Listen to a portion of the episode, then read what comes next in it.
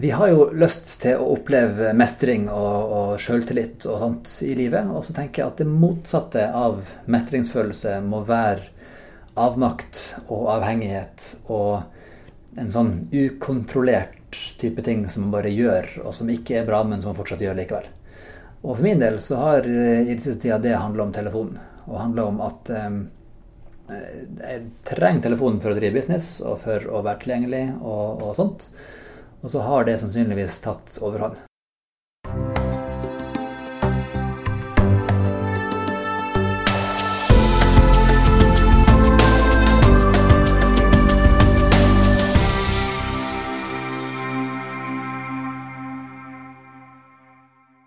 Man har satt folk på kafé. Gode venner, nære relasjoner. Så har man latt to og to eh, snakke sammen. Og så har man telt antall ord per minutt per halvtime, som en telt antall ulike ideer og temaer som blir diskutert. Som en telt antall personlige ytringer. Så man har gjort det her i to ulike sammenhenger. Den ene sammenhengen var med et bord utenpå. Og i den andre sammenhengen så la man en telefon på bordet med displayet ned. Den ga ikke noe lyd fra seg, den vibrerte ikke, den viste seg ikke annet enn den lå på bordet med, med displayet ned. Og det viste seg at antall ord, antall tema, antall personlige ytringer, og generell flyten i samtalen ble halvert. Da kan du tenke deg hvor mye verre det er når du tar opp telefonen og sjekker innimellom, og gjør det i stedet for å snakke med dem som faktisk er nærheten av deg. Det er så utrolig ødeleggende for relasjonene våre at den typen avhengighet har jeg måttet trene vekk. Og min måte å løse det på er å slette en god del av appene som jeg har på, slå av nesten alle notifications og ha en mobilboks i gangen. Så når de kommer inn hjemme, så legger vi mobilene våre i boksen på gangen, og så har vi ikke dem med oss inn.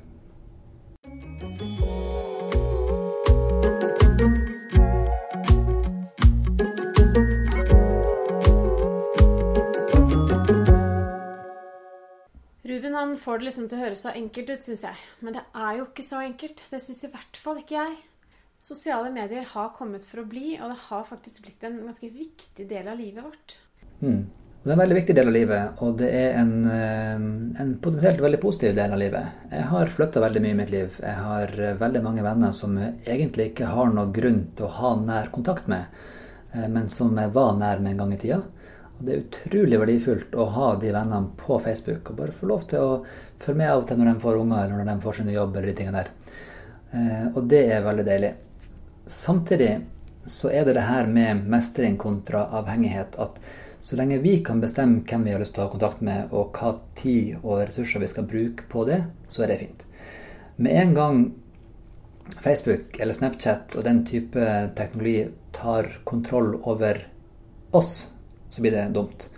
Eh, når vi bruker tid og krefter vi ikke har tenkt å bruke på det, når vi bruker tid vi ikke har, eh, når det påvirker oss på en måte som ikke er bra for oss, så er det et problem. Og det er da det er viktig å ta, å ta grep. Og når det gjelder spesielt både Facebook og Snapchat og Instagram og de tingene som folk har, så er det her store firmaer som tjener penger på at du er avhengig. Og man har ansatt atferdspsykologer som har funnet opp eh, små twists som er designa kun for at du skal bruke mer tid. At du skal investere mer av ditt fokus eh, på deres plattform. Det mest groteske eksempelet er jo Snapstreaks på Snapchat. Den Denne lille, lille nummeret i displayet som da forteller hvor mange dager på rad du har sendt et eller annet til en annen person. Og jeg tenker at i utgangspunktet så er jo det et uttrykk for sant, at man har en, en, kontakt, at man har en relasjon. Men alle, altså, alle som jeg har snakka med som driver med dette, er jo enige om at det er egentlig bare en byrde. Det er, eh, det er noe som ikke betyr noe. Det, er, det gir ikke noe verdi. Og man, eh, man sånn, tar bilde av gulvet og sender til 100 stykker og bruker fem minutter av sitt liv på det for å opprettholde fullstendig meningsløse snapstreaks. Og dette er det jo først og fremst barna våre som holder på med. Det er det først og fremst. Jeg tenker at eh, jeg kjente ei som hadde en veldig bra snapstreak, som ikke var snapstreak gående før Snapchat fantes. Eh, hun var i en tøff periode i livet. Hun var deprimert. Det var tunge tak. Hun hadde tante som akkurat mista mannen sin. De hadde to små barn. Så de to sammen ble enige om at hver kveld skal vi sende en tekstmelding, en SMS, til den andre med tre ting vi er takknemlige for her og nå. Det er en bra streak. Den kan man ha. Den gir eh, samhold. Den er sårbar. Eh, den gir den nære relasjonen man trenger akkurat da. Men snapstreaks generelt på Snapchat er en kjempedårlig eh, idé. Eh, det fører egentlig bare til skyldfølelse, eh, til dårlig samvittighet, til frykt for å miste den streaken, som ikke har noen betydning. Eh, det er en sånn ting som går inn og tar kontroll over livet ditt, og som, som legger arbeidsoppgaver som er meningsløse, inn i en allerede full hverdag. For en tanke hos meg Ruben, rundt det har vært dette med at vi har så mange barn og ungdom i Norge i dag som er slitne. Ja. Som kjenner på et høyt press. Og jeg tenker at en del av dette som handler om ja, streaks eller andre ting med sosiale medier, det tar opp veldig mye av tiden deres. Stjeler veldig mye av tiden. Og blir egentlig en arbeidsbyrde. Noe de må gjøre hver dag. Ja, og ikke bare er det en arbeidsbyrde, det skal vi for så vidt komme tilbake igjen til. Men, men både likes på Facebook Likes er egentlig litt samme som Snapstreak. Det, det gir egentlig ingen verdi. Um, og det blir noe som man styrer etter. Man, man, ønsker å ta bilder som får flere likes. Man ønsker å legge ut ytringer som får flere likes. Og i stedet for da å, å skape relasjon og snakke om de tingene som du faktisk tenker på, så designer du en slags profil for å få likes, som da igjen i praksis ikke gir noen verdi. Altså det, det, det, er ingen som får noe ut av det å få mye likes. For det, det er ikke noe bra for dem heller. Da, hvis du da skal legge ut neste bilde, så er du egentlig enda mer usikker på hva du nå skal gjøre for å få enda flere likes. Og hvis du får færre likes enn du er vant til, og du har veldig mange, så er jo fallhøyden kjempestor. Og så tar man det personlig. For meg så var det bare en, en sånn aha-opplevelse akkurat rundt det der, nemlig. Ja. Fordi jeg var med min familie på juleferie mm. i en annen del av verden. Um, og det er nesten ikke som man kan tro det, men det er faktisk land i verden der det, ikke har, der det omtrent ikke eksisterer internett. Oh, yes. uh, vi var altså på Cuba. Ja. Det var ikke internett. Nei. Det var en ganske ehm, sjokkerende opplevelse for mine fire tenåringer. Rett og slett. Men uh, det gikk ikke så mange timene eller dagene før de vente seg til det. Før mobilen lå igjen på hotellet. Før det ikke var så viktig å ha med seg. Og etter to uker så sier de alle sammen at dette var deilig. Ja. Nå har vi hatt ordentlig ferie, sier jeg. Mm. Og det, det, var en vekker for meg. Og det har kommet flere sånne leserinnlegg og sånt eh, også i det siste i, i media. At eh, når man da har valgt å bare selge alle iPads man har, så har ungene fått det bedre. Og så har man fått bedre ferier, så har man fått bedre kvelder sammen. Så har alle fått det bedre. Jeg tenker at um, det er litt viktig å gå inn i psykologien bak der. For det første så har man forska på det her med oppmerksomhet og det her med distraksjon. Man har funnet ut at hvis du, hvis du er i sona, dvs. Si at du har gått inn i et modus der du gjør ditt beste arbeid, om det er trene på triks med fotball, eller om det er å skrive bok, eller altså hva det er, når du har eh, lagt tida og forholdene til rette for å gjøre ditt beste arbeid, du har gått inn i sona, og du er på en måte på gang Hvis du da blir distrahert, hvis du blir registrert av den minste notification på telefonen, så tar det mellom 15 og 35 minutter før du er tilbake igjen i sona. Og det er hvis du ignorerer notification og så jobber tilbake igjen. Hvis du da tenker at 'oi, den meldinga må jeg svare på', 'å, det stemmer, det var en mail jeg må ta', ja. Så er du plutselig ute å kjøre, og da gir du i praksis den sannsynligvis meningsløse notification eh, en time pluss av ditt liv. Av de beste arbeidstid. Og, og, det her med å jobbe kreativt og produktivt er det samme som søvn. Eh, når man sover, så har man ulike stadier. Sant? Man har en sånn innledning, og så har man stadig dypere søvn. Eh, og For å komme til den dypeste og beste søvnen, så må du gå gjennom de første fire stadiene først. Og Hvis du da blir vekka, så må du begynne på nytt igjen. Du kan ikke gå tilbake igjen, sovne og så gå rett i dyp søvn. Det funker ikke sånn. Det er det samme med arbeid.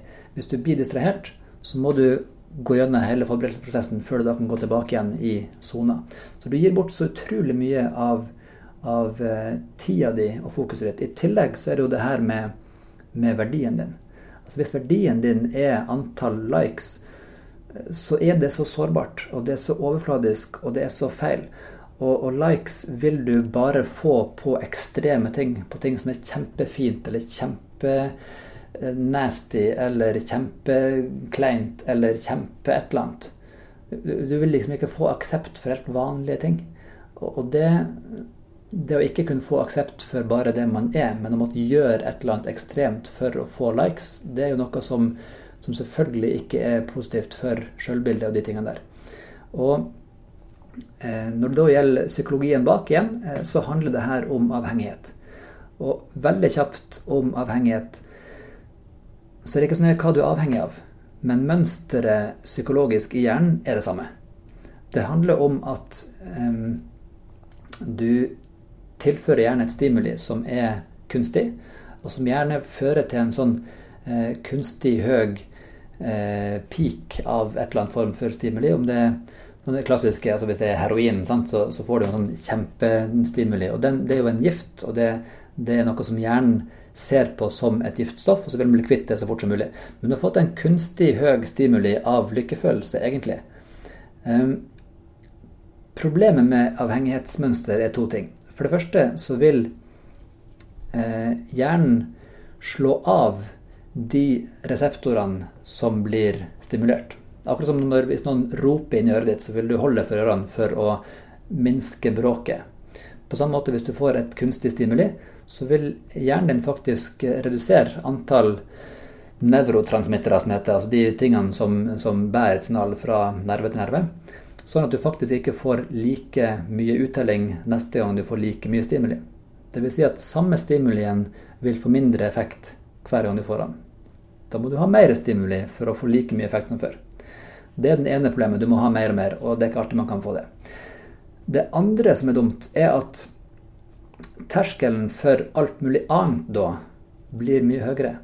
Hvis vanligvis det var sånn at en, en klem av en, en, god venn, eller en B på en prøve, eller en tur i solskinn, var noe som ga lykkefølelse, som ga en godfølelse Når nervene da har begynt å holde for ørene og senke terskelen, eller øke terskelen for hva som i det hele tatt gir utslag, så vil jo alle de opplevelsene eh, som før ga lykkefølelse, vil nå ikke oppdages. Fordi signalene sendes ikke sterkt nok.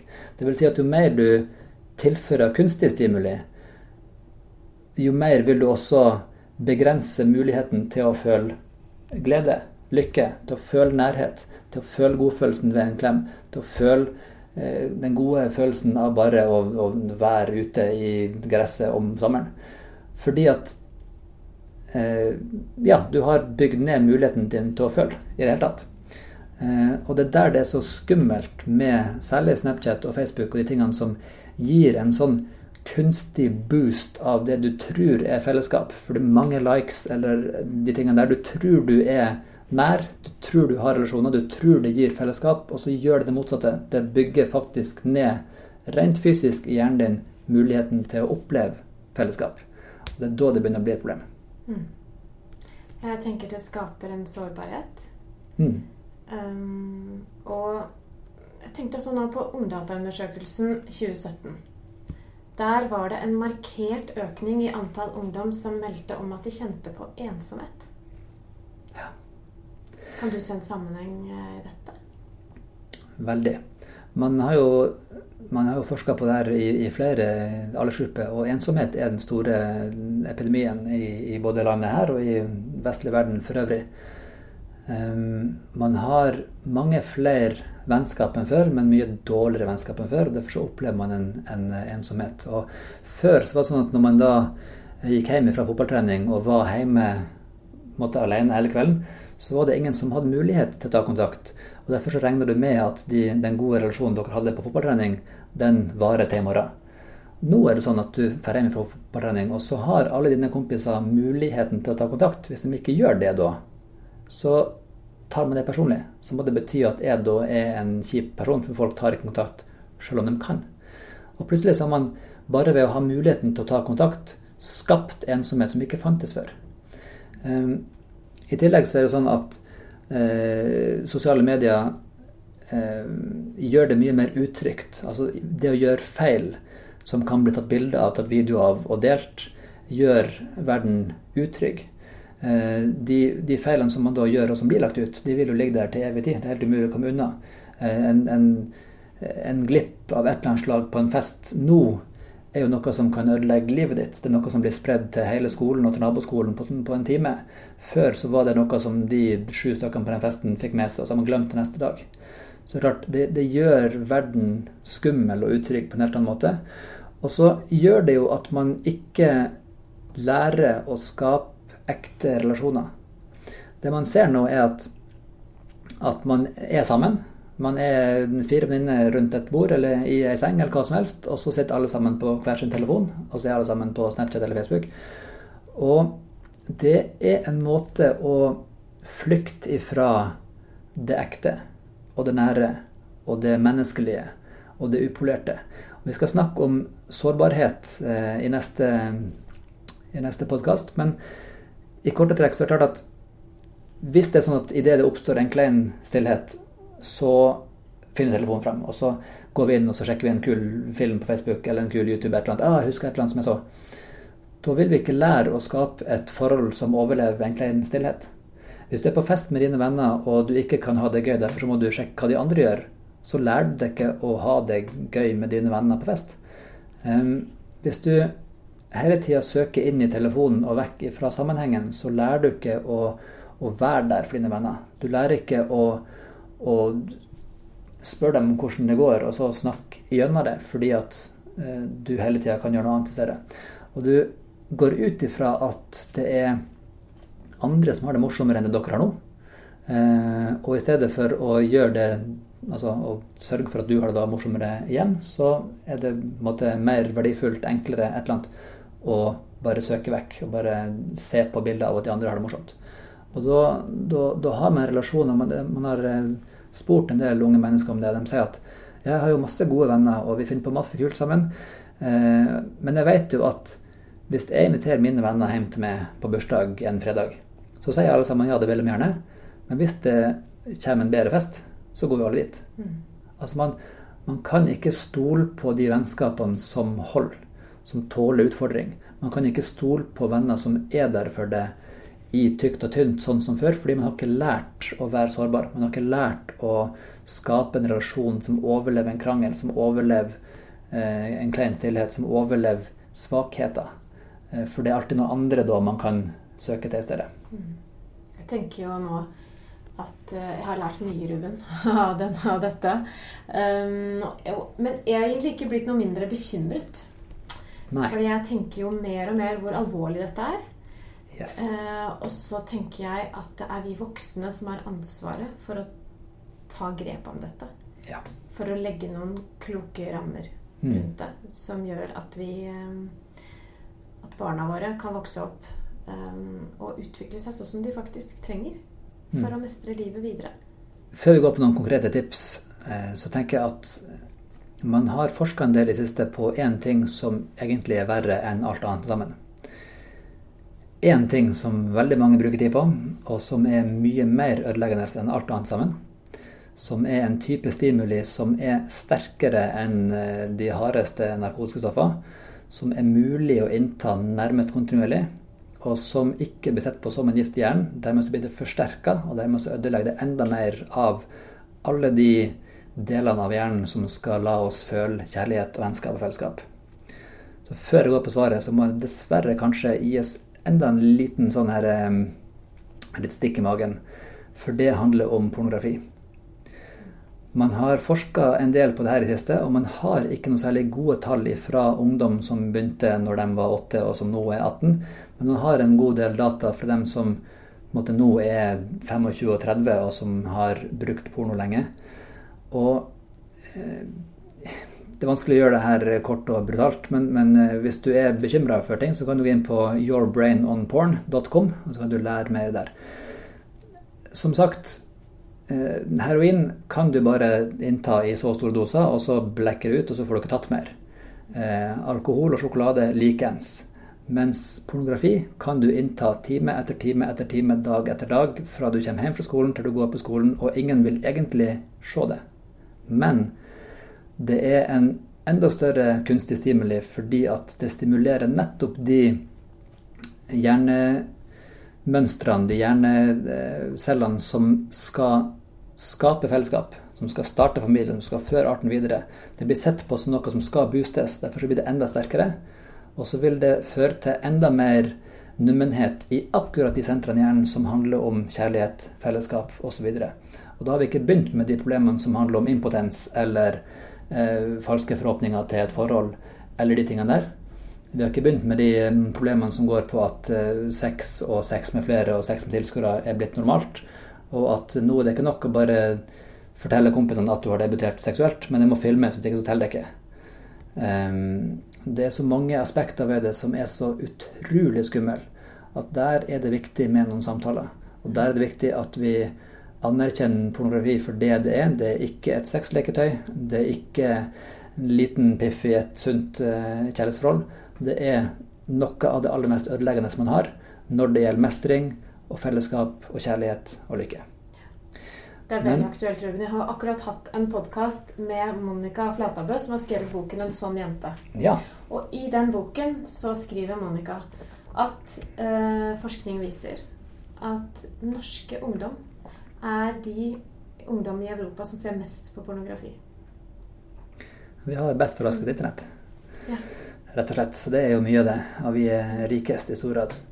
Ja, og det det er et, det er et problem. Kommer, altså vi kommer til å få den så utrolig i fleisen. Og det, det, er linka direkte mot uh, depresjon og mot uh, selvmord og sånt. Og hvis dere har hatt det før, så, så har hun gått inn på det.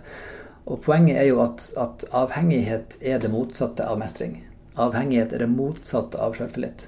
Det motsatte av lykke. Det ødelegger fellesskaps... Det, det ødelegger muligheten i hjernen din til å oppleve fellesskap. Det er ikke bare det at du kan legge det vekk litt, så kan du oppleve fellesskap etterpå, men, men, det har faktisk ødelagt den muligheten. Og så kan man heldigvis øve tilbake igjen. Hvis man legger det vekk, så viser det seg iallfall de eh, voksne testpersonene som man har testa på, så, så, vil det normalisere seg etter hvert. Hvis man da klarer å. Man har ikke gode tall på som sagt, de som begynte tidlig og som nå er 15-16. Det har man ikke, men det er uansett skummelt. Mm. Så tenker jeg at måten å jobbe mot det her på, Eh, det litt sånn praktiske tipsene må være at for det første så må du eh, gjenkjenne avhengighetsmønster.